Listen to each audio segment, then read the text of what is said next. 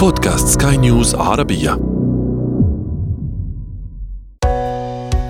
حياتنا.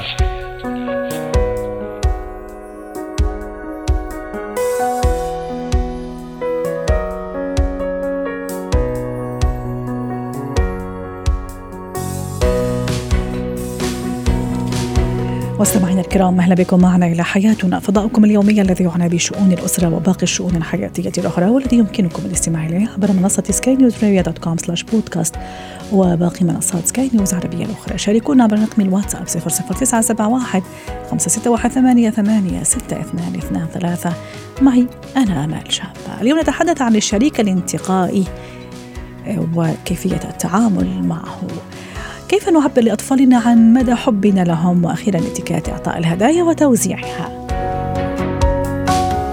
هو وهي. شيء من الانتقائية شيء جميل وإيجابي لكن الكثير منها أكيد مضر بالعلاقة بين الشريكين بين الزوجين وهذا هو حديثنا اليوم. الشريك الانتقائي رحبوا معي بدكتورة حنان نجم الاستشارية الأسرية ضيفتنا العزيزة واستشارية الصحة النفسية ضيفتنا العزيزة من الرياض. دكتورة حنان يسعد أوقاتك. أهلا وسهلا اليوم معنا. نتحدث عن الشريك الانتقائي في كل شيء في العلاقات مع الآخرين مع محيطه مع ممكن حتى محيط الطرف الآخر الشريك الآخر هو الزوج أو الزوجة انتقائي في كل شيء. من أبسط الأمور للأمور ممكن الأكثر تعقيدا. هل هو بالفعل شريك متعب؟ الحياة الانتقائية هذه شيء يعني يعتبره البعض شيء مميز. الانتقائية إنها بتكون تشمل جميع أنواع جوانب الحياة مع الأصدقاء مع ممارسة الهوايات المتعددة قراءة الكتب عن غيرها. يعني كل أموره الحياتية الشريك هذا تكون فيها انتقاء. ما بتكون بس في الطعام أو بس في أشياء مع يعني بتكون في كل جوانب حياته صحيح. لأنه هي هاي شخصيته. لكن الآن لما نيجي نتكلم عن الشريك الآخر هل هذه الانتقاء الانتقائية تؤثر عليه؟ هلأ الآن بما أنه إحنا عم نتكلم أنه هذا الشخص ينتقي الشيء الجيد دائما انتقائي يعني الشيء المناسب له. يعني ما بيقبل بأي شيء أو نقول مثلا عكسها الانسياق. الانسياق يعني أنا أبقى منساق أقبل بأي شيء. هلأ الشريك الآخر هل هو يتقبل هذه الشخصية أو كيف يتعامل معها؟ إذا كان في هذيك الحب بين الطرفين وفي هذيك الرحمة وهذيك وهذاك التفاهم هلأ أنا أحب أن أسعد هذا الشريك. بدون ما أنا أضايق نفسي اطفال عادي. بحاول إني أنا على قدر الإمكان إني أنا اساعده في هذا الموضوع عشان هذه هي شخصيته. لكن عندما تصل الانتقائية إلى حد الانتقاد اللاذع للطرف الآخر صح. لأنه لم يلبي طلباته هنا المشكلة. أو التدخل كمان في أشياء يعني مش ما بدي أقول مش من حق الشريك لكن تعتبر من الخصوصيات جدا مثلا أني أنا بسبب انتقائيتي ممكن أنتقي أشياء للطرف الآخر أو لشريكي مفروض هو الأولى أنه ينتقيها مثلا. نعم هو التدخل والسيطرة على الشخص الآخر هذا شيء آخر لأني أنا بدي أحقق الشيء اللي أنا بدي إياه. هون عندي المشكلة بتكون مع مين؟ مع الشخص اللي يستحمل هذا الموضوع. وخلينا نقول إنها درجات. يعني في شخص انتقائي ويغضب عندما لا يلبي الطرف الآخر. هذه الاحتياجات اللي هو بده إياها. يثور ويغضب ويكون سبب في وجود المشاكل. لكن الطرف الآخر اللي عنده هذاك الشيء اللي هو بيعمل الشيء قبل ما ينطلب منه يعني هو عارف هذا الشخص هاي الاشياء بتضايقه.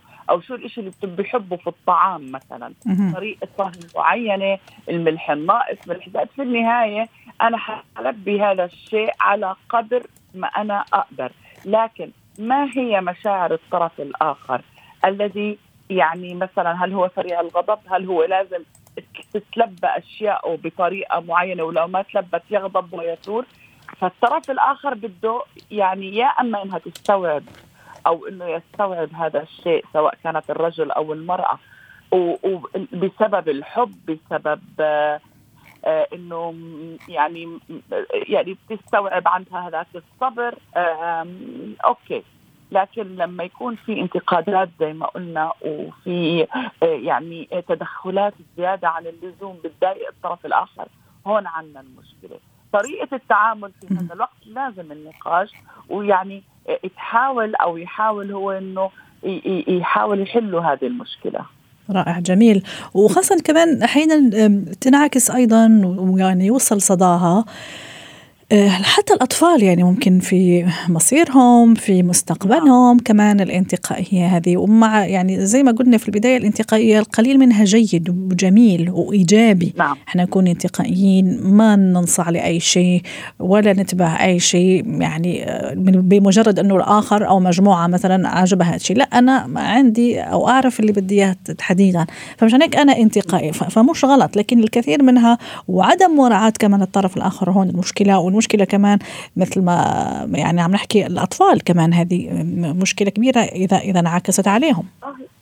الأطفال حضرتك قصدك الأطفال الانتقائية؟ لا أنا قصدي انتقائية أحد أحد الشريكين الأب أو الأم. أكيد رح تنعكس كمان على البيت بشكل عام مو فقط على الطرف الآخر.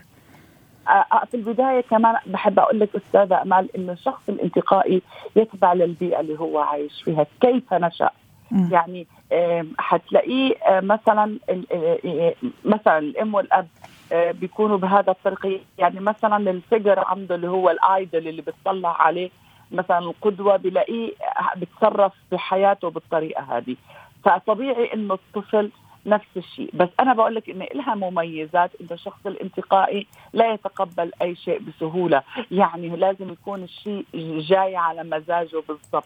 هذا مش غلط بالعكس هذا بيخلي الإنسان يكون اوير أكثر عنده وعي آه، يكون أصلا يعني يعني بالعكس يحسن الحياة. لكن زي ما قلنا لما تأثر على الطرف الآخر مش غلط الانتقائية لكن الانتقائية مع تجريح الطرف الآخر. إذا ما لبى الطلبات هون المشكلة. بالنسبة للأطفال في جزئية أنا حابة أتحدث عنها لو تفضلي. في عنا الأطفال الانتقائيين مثلا بيكونوا من هم أطفال صغار يعني بتلاقيهم ينتقوا الطعام ما بياكلوا أي شيء آه، بينتقوا الألعاب اللي يلعبوا فيها بينتقوا. هذا يعني في أمهات أحيانا بتتضايق من هذا الموضوع. هلأ أنا بقول إنه بهذا الموضوع اللي بيجيني حالات كثير عن الأطفال بالذات في موضوع الطعام وانتقائه. هذا الشيء يكون بدنا نفرق بينه وبين الانتقائية الأخرى. هذا نوع من أنواع يعني خلينا نقول ال disorders أو خلينا نقول إنه مش شيء طبيعي إنه مثلا بتلاقيه من هو صغير بهذه الحالة. يعني هون إحنا لازم نعلم الأم ومندربها كيف انها تدخل مثلا تحاول تقنعه بأكل آخر أو إنه يتذوق ويمكن هذا الطفل لما ما نتحكم في انتقائيته وما نعرف نوجهها بهالشكل الصحيح هو اللي راح يعطينا كمان مستقبلا هذا الشريك الانتقائي اللي عم نحكي عنه اللي هو موضوعنا اليوم سواء كان زوج أو زوجة. شكرا لك دكتورة حنان نجم أسعدتينا الاستشارية استشارية الصحة النفسية ضيفتي العزيزة من الرياض وأتمنى لك أوقات سعيدة. زينة الحياة. كيف نعبر عن أو لأطفالنا عن حبنا الكبير لهم أكيد في طرق مختلفة وكل شخص يعني يشوف أنه هذه الطريقة الأنسب آه، للتعبير عن آه، حبنا لأطفالنا. هل في طرق فعلا مناسبة جدا؟ ممكن إحنا مش منتبهين لها أو في طرق نحن معتقدين أنه هذه هي هذه الطريقة الصحيحة اللي أعبر لابني من خلالها أني قديش أنا أحبه لكن لا صراحة مش هي هذا الطريقة. رحبوا معي بيا دكتورة رنا العايدي الاستشارية النفسية والتربوية. سعد أوقاتك دكتورة رنا. راح أسألك أول شيء سؤال يمكن مرتبط باختصاصك وفي نفس الوقت آه، باعتبارك أم. إيش هي الطريقة اللي عادة تعبري فيها لأطفالك إنك بتحبيهم؟ السؤال شخصي ولا؟ آه، والله آه، شو شوي شخصي. أنا قلت ما هاد قلت هو عنده علاقة بتخصصك وشخصي شوي في شوية ممتاز. حشرية. إحنا جمعنا بين بين الخبرة والمعرفة. طيب لما نتكلم عن الجانب المعرفي أنا بشوف إن إحنا نقدر نعبر عن اولادنا بلغة الحب. دي لغة لغه الأطفال تختلف عن لغة الكبار التقليدية. بمعنى إنه أوقات ما بنفهمش أولادنا وهم صغيرين بشكل تام عشان ما بيكونش عندهم قدرة على التواصل الكلامي وهم كمان ما بيفهموناش. فالأخطر من إن أنا كثير طبعا كل الأباء بيحبوا أولادهم. الأخطر من إن أنا يعني ما أعبرش لابني على الحب اللي جوايا دي حاجة ممكن تسبب له مشاكل كتير زي قله تقدير الذات أو الثقة بالنفس. تبقى مش موجودة تماما لأن هو مش فاهمها. برغم إن أنا ممكن وللأسف الشديد بعض الأمهات تعتقد أن التعبير عن الحب يكون من خلال أعمال الخدمة بس اللي هو الرعاية. إن أنا أحطه في سرير وإن أنا أحضر له فطار وإن أنا مثلا آه، أصلح له حتى ألعابه اللي هو بيحبها. دي كلها حاجات جميلة ولكن الاهم من ذلك وهو التعبير بالتلامس الجسدي. مهم. واؤكد لك أنها لها فعل السحر. بمعنى بمعنى عناق مثلا أخذه في أيوة، الحضن مثلا الأحضان آه، الأحضان نرتب أنا- عليه مثلا على أكتافه مثلا بالضبط نعم مم. التربية عليه طبعا. التربية على الكتف لما ترتيب. يكون حزين في مواساته إن أنا أحضن وأقبله مثلا لما يغادر من البيت أو لما يرجع من المدرسة مثلا. آه، أثناء ما بغطيه في سريره بالليل كمان في عناق جماعي للأسرة يعني أنادي عليهم بصوت عالي يلا يلا حضن جماعي حضن أسري كلنا نحضن بعض ما تتخيليش الطاقة العظيمة وابتسامة الولد لما بيطلع بره هذه الطاقة بيبقى سلام. حاسس بإنه إحنا كلنا مع بعض الإحساس بالأمان. التعبير عن الحب كمان يكون أيضا بعد عقاب الطفل بمعنى إنه أنا لو عاقبته الوقت قصير مثلا بحتضنه بعدها وبقول له العقاب بسبب أخطاء وسلوكيات إحنا محتاجين نغيرها لكن. أنا بحبك أنت وبعتز بيك كذلك توفير الحضن لما يكون الطفل مريض لما أوقات في أطفال يحسوا بالمسؤوليه شديدة تجاه آبائهم. ماما أنا آسف إن أنا زعلتك. ماما معقول أكون أنا السبب في إنك اتخانقتي مع بابا؟ كل الحاجات دي بتخليه يب- يبص على نفسه توكيده لذاته بيقل أيضا بجانب بقى إحنا خلاص خلصنا الجانب العاطفي وعملنا إشباع عاطفي. نعمل بقى إشباع معرفي بمعنى إيه؟ تأثير الكلمة على الطفل. الكلمة دايما بتأثر على ابني. ممكن أقولها وأنا متضايقة أقول والله أنت تعبتني أنت قرفتني أنت شخص مش واثق من نفسك. إزاي تخلي صاحبك يعمل فيك كده؟ أنت ما عندكش شخصية؟ مم. كل الكلمات دي مؤذية جدا تجرح الطفل وإحنا بنقولها ونمشي. لكن وقعها على الطفل صعب جدا. في مجموعة من الأفكار ممكن نستخدمها في كلمة الحب زي إن أنا أمدحه على إنجازاته الصغيرة على إنجازاته الكبيرة أيضا. أتكلم مع أحلامه وأقول أنت نفسك تعمل إيه وأحاورهم وأشجعهم بإنه يحققها إزاي مثلا. أشعره بالأهمية وأدي له رسالة إنه هو مهم بالنسبة لي. حتى لو أنا برا البيت ممكن أرسل لبنتي أو ابني مثلا حاجة معينة. على فكرة أيضا في التلامس الجسدي يا أستاذة أمال في حاجة برضه بعملها وهي هدية للطفل. عارفة الهدية مع الكبار؟ بديهم مثلا وسادة ناعمة يناموا عليها. فأنا بقول له كل ما تحس إن أنت مرتاحة الوسادة دي وإن هي قد إيه ناعمة افتكر ماما إنها بتحبك. يا سلام. صغير لا بديله زي فلافي أو بابت يعني كده حاجة. فيها فرو كده. حسسه برمز دافي يعني. جميل. نعم. يوجد النظر في عيونهم أيضا دكتورة رنا بتشوفيه مهم. أحيانا ما أعرف يمكن كمان يعني آه، أحيانا ك- زي ما تربى الأهل وللأسف يعني مثلا في أشياء سلبية تلقوها هم صغار أحيانا بيعودوا يعني بيعيدوا نفس الخطأ للأسف. في حين مثلا نعم، لا، جميل ما مثلا ننظر في. عيونهم هذا النظرة الحلوة العميقة الجميلة اللي فيها حنان فيها حب. تتصوري إنه فعلا راح يتلقفها الطفل وراح يحس مباشرة إنه ترى ماما عم تنظر لي نظرة حب أو ترى بابا عم ينظر لي نظرة حب هذه النظرات اللي أكيد العيون ما راح تخطئ صح لغة العيون مستحيل تخطئ الابتسامة. مم. ان أنا أشوف ابني يبص لي كده وأبتسم بس أنا وصلت له الحب خلاص بهذه النظرة حتى يوجد أيضا حالة صعبة جدا جت لي والله يا أستاذة أمان بيقول لي. أنا اتربيت في أسرة آه، أم جافة وكنت يتيم الأب. هذه لازم ابني يجمد شوية ولازم يعتمد على نفسه شوية ومش لازم كنت كده أنا بدلع. على أيوه. ما أنا آه، تمام أنا تربيت وأنا راجل وأموري تمام أو أنا آه، كبرت آه، وأنا. ست يعني صحيح. الشديد إنه حتى يعني يعني سبحان الله إن من الكلام إن من البيان لسحرا قالها حبيبنا النبي صلى الله عليه وسلم. إنه في بعض الكلمات تقال سريعا. ولكن نعم سريعة بالنسبة لي أنا كأم. لا تأخذ من, وقتي الكثير لا تأخذ من وقتي الكثير أنا كأب. ولكنها لا تنسى بس- بسرعة أبدا عند الطفل. يظل يتذكرها وطبعا نحن نعلم أن اللسان لديه قوة الحياة والموت. فتشجيع الطفل دائما في ورقة مشجعة مثلا في الحقيبة اللي هي بيروح شنطته في المدرسة مثلا أو أن أنا أمدحه مثلا في بعض الأمور الصغيرة اللي أشعره بالإنجاز حتى لو قدم حاجة بسيطة حتى. الوقت النوعي يا أستاذة أمال مشاركة الأطفال في الأعمال المنزلية مع بعض دي أوقات نوعية مم. إن أنا أطبخ مع أولادي ونعد وجبة خفيفة مثلا صحية مع بعض زي مثلا إن إحنا يا ستي نقطع الفاكهة حتى مم. إن إحنا نشوف فيلم مع بعض بالليل أو إن إحنا نلعب صح. معاهم بألعابهم البسيطة دي ونعمل بقى طريقة اللعب أوقات كتير أمهات تقول لي والله جبت له اللعبة دي بكسرها كسرها طبعا عزيزتي كسرها لأن هو ما لمسش ارتباطه العاطفي باللعبة وفي نفس الوقت ليس لديه الجانب المعرفي إنه أنا ألعب بيها إزاي فانت يا ماما لما تلعبي معاها تعرفي يلعب بيها إزاي وفي نفس الوقت هتديله ثقه بنفسه. وبإنه مصدر اهتمامك ولو على الأقل هذه اللحظات البسيطة. وحتى الأب كمان دكتورة رنا حتى نختم مع حضرتك كمان الأب له دور كبير ومسؤولية كبيرة. مش لأنه الأب عادة الأب هو رمز القوة رمز يعني عرفتي كيف يعني شوية هذه نعم. الشدة إذا بدك. فممكن بعض الأباء يقول لك لا ما كثير يعني يعني أجر معه ناعم خلي هذه المهمة لا لا لماما لا لوالدته أو لا- للام يعني باعتبار إنه هي رمز حنية بس أكيد لا الأب كمان مسؤولية كبيرة عليه. طبعا طبعا. فالأب ممكن يكون في عندنا أب ناشف شوية في التعامل فبنخليه يعمل أساليب تانية لحد ما يدخل في ال mood يعني اللي هو act it you feel it. بمعنى إن هو مثلا يعمل مفاجأة للطفل بشيء يحبه مثلا يعد قائمة مثلا يفضلها الطفل انه والله محتاج كذا محتاج كذا محتاج كذا. فأنا. أقدر أجيب له دلوقتي الحاجة دي فهجيبها له بشكل مفاجأة. إصلاح ألعاب الأطفال أيضا.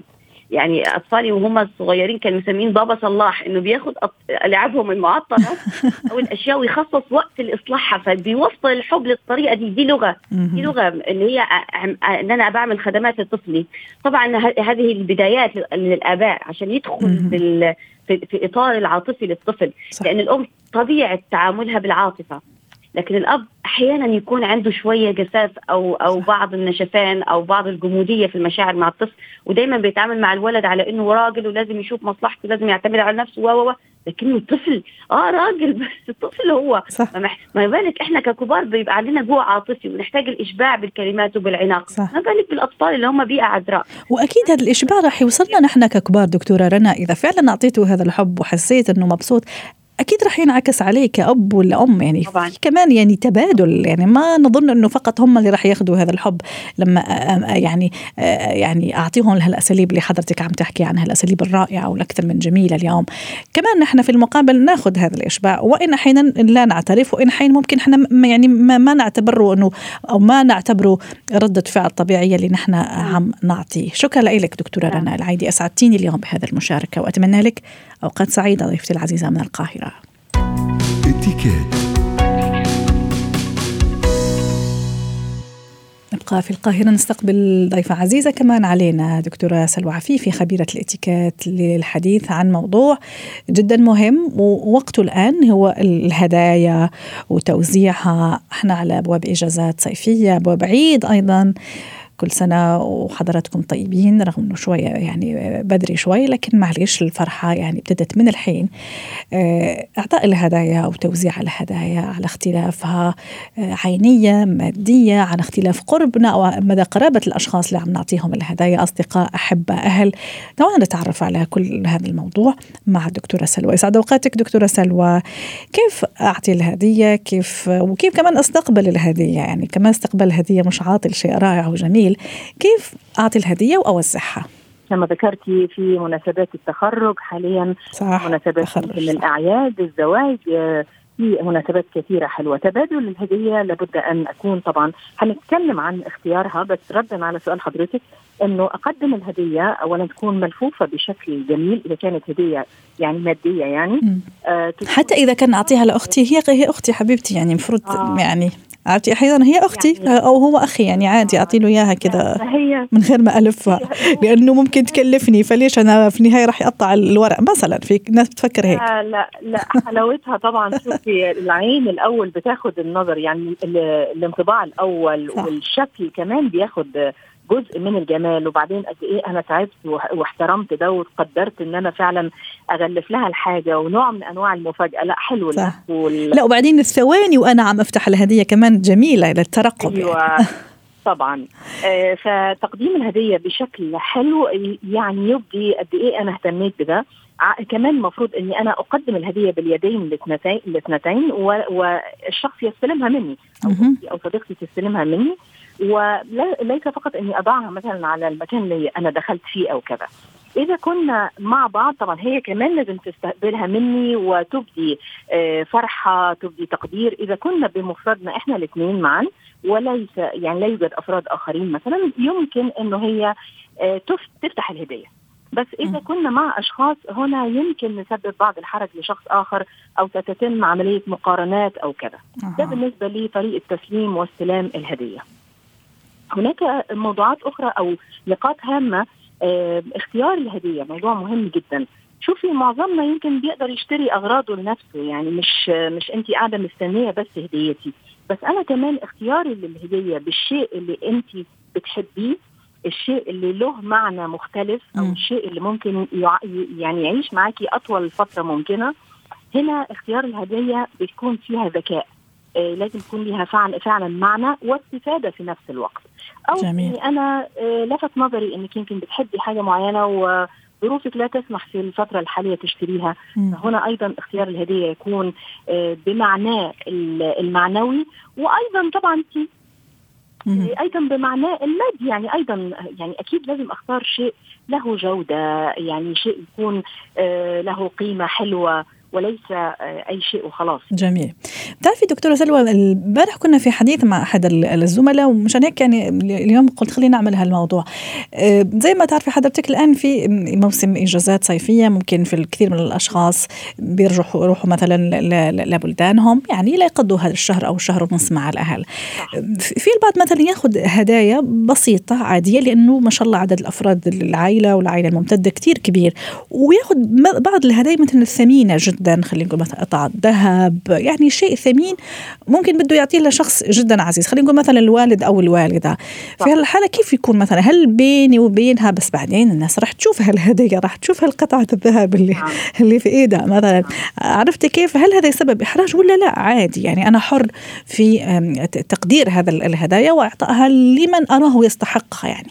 شوفي هو طبعا الأم والأب ما فيش لهم يعني مثيل أو ما فيش حد. بيتحدث معاهم في نفس المقارنة يعني حتى يمكن الإخوات بس هي الفكرة في إنه آه، تقديم الهدية يعني لا يكون بالحرج أمام الكل مم. حتى لو عرفوا فيما بعد خلينا برضو في الاتيكيت إحنا دايما مراعاة مشاعر الآخرين زي ما أنا قدرت إني أنا جاية من السفر وهجيب لكل العيلة أو اللي أقدر عليهم هم كمان يعني ممكن الهدية لكل واحد تكون بسيطة.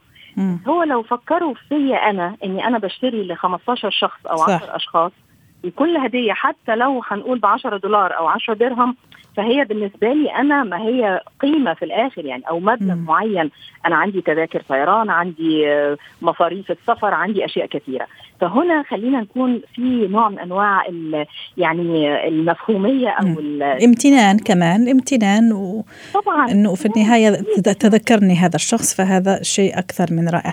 دكتورة سلوى حتى أختم الهدايا مثلا ال- المادية أنا بدي أعطي مبلغ من المال. نعم نعم كيف راح تكون الطريقة؟ بس بيني وبين الشخص احطه في ظرف كذا أنيق وجميل كيف راح تكون؟ نعم. باختصار. على فكرة ممكن جدا الظرف حتى كمان يتلف كأنه هدية. آه، ظرف ملون مع كارت لطيف مع عليه. ورقة لطيفة. بالعكس هنا أنت بتدي حرية ان هو يختار اللي هو عايزه. أو طبعا أنت عارفة ال gift card كمان بنجيبه من محلات معينة ودي حاجة بصراحة بعتبرها من أذكى اللفتات يعني حتى في المحلات والتجار. إنه بتشتري بتاخدي ال gift card وبتدفعي مثلا واو. فيعني الموضوع له أكثر من طريقة المهم إنه إحنا نحرص على التواصل والتقدير من خلال الهدايا دي لأنه فعلا هي بتفرح شكرا لك دكتورة سلوى عفيفي أسعدتيني وأتمنى لك أوقات سعيدة. ختام حلقة اليوم من حياتنا شكرا لكم وإلى اللقاء.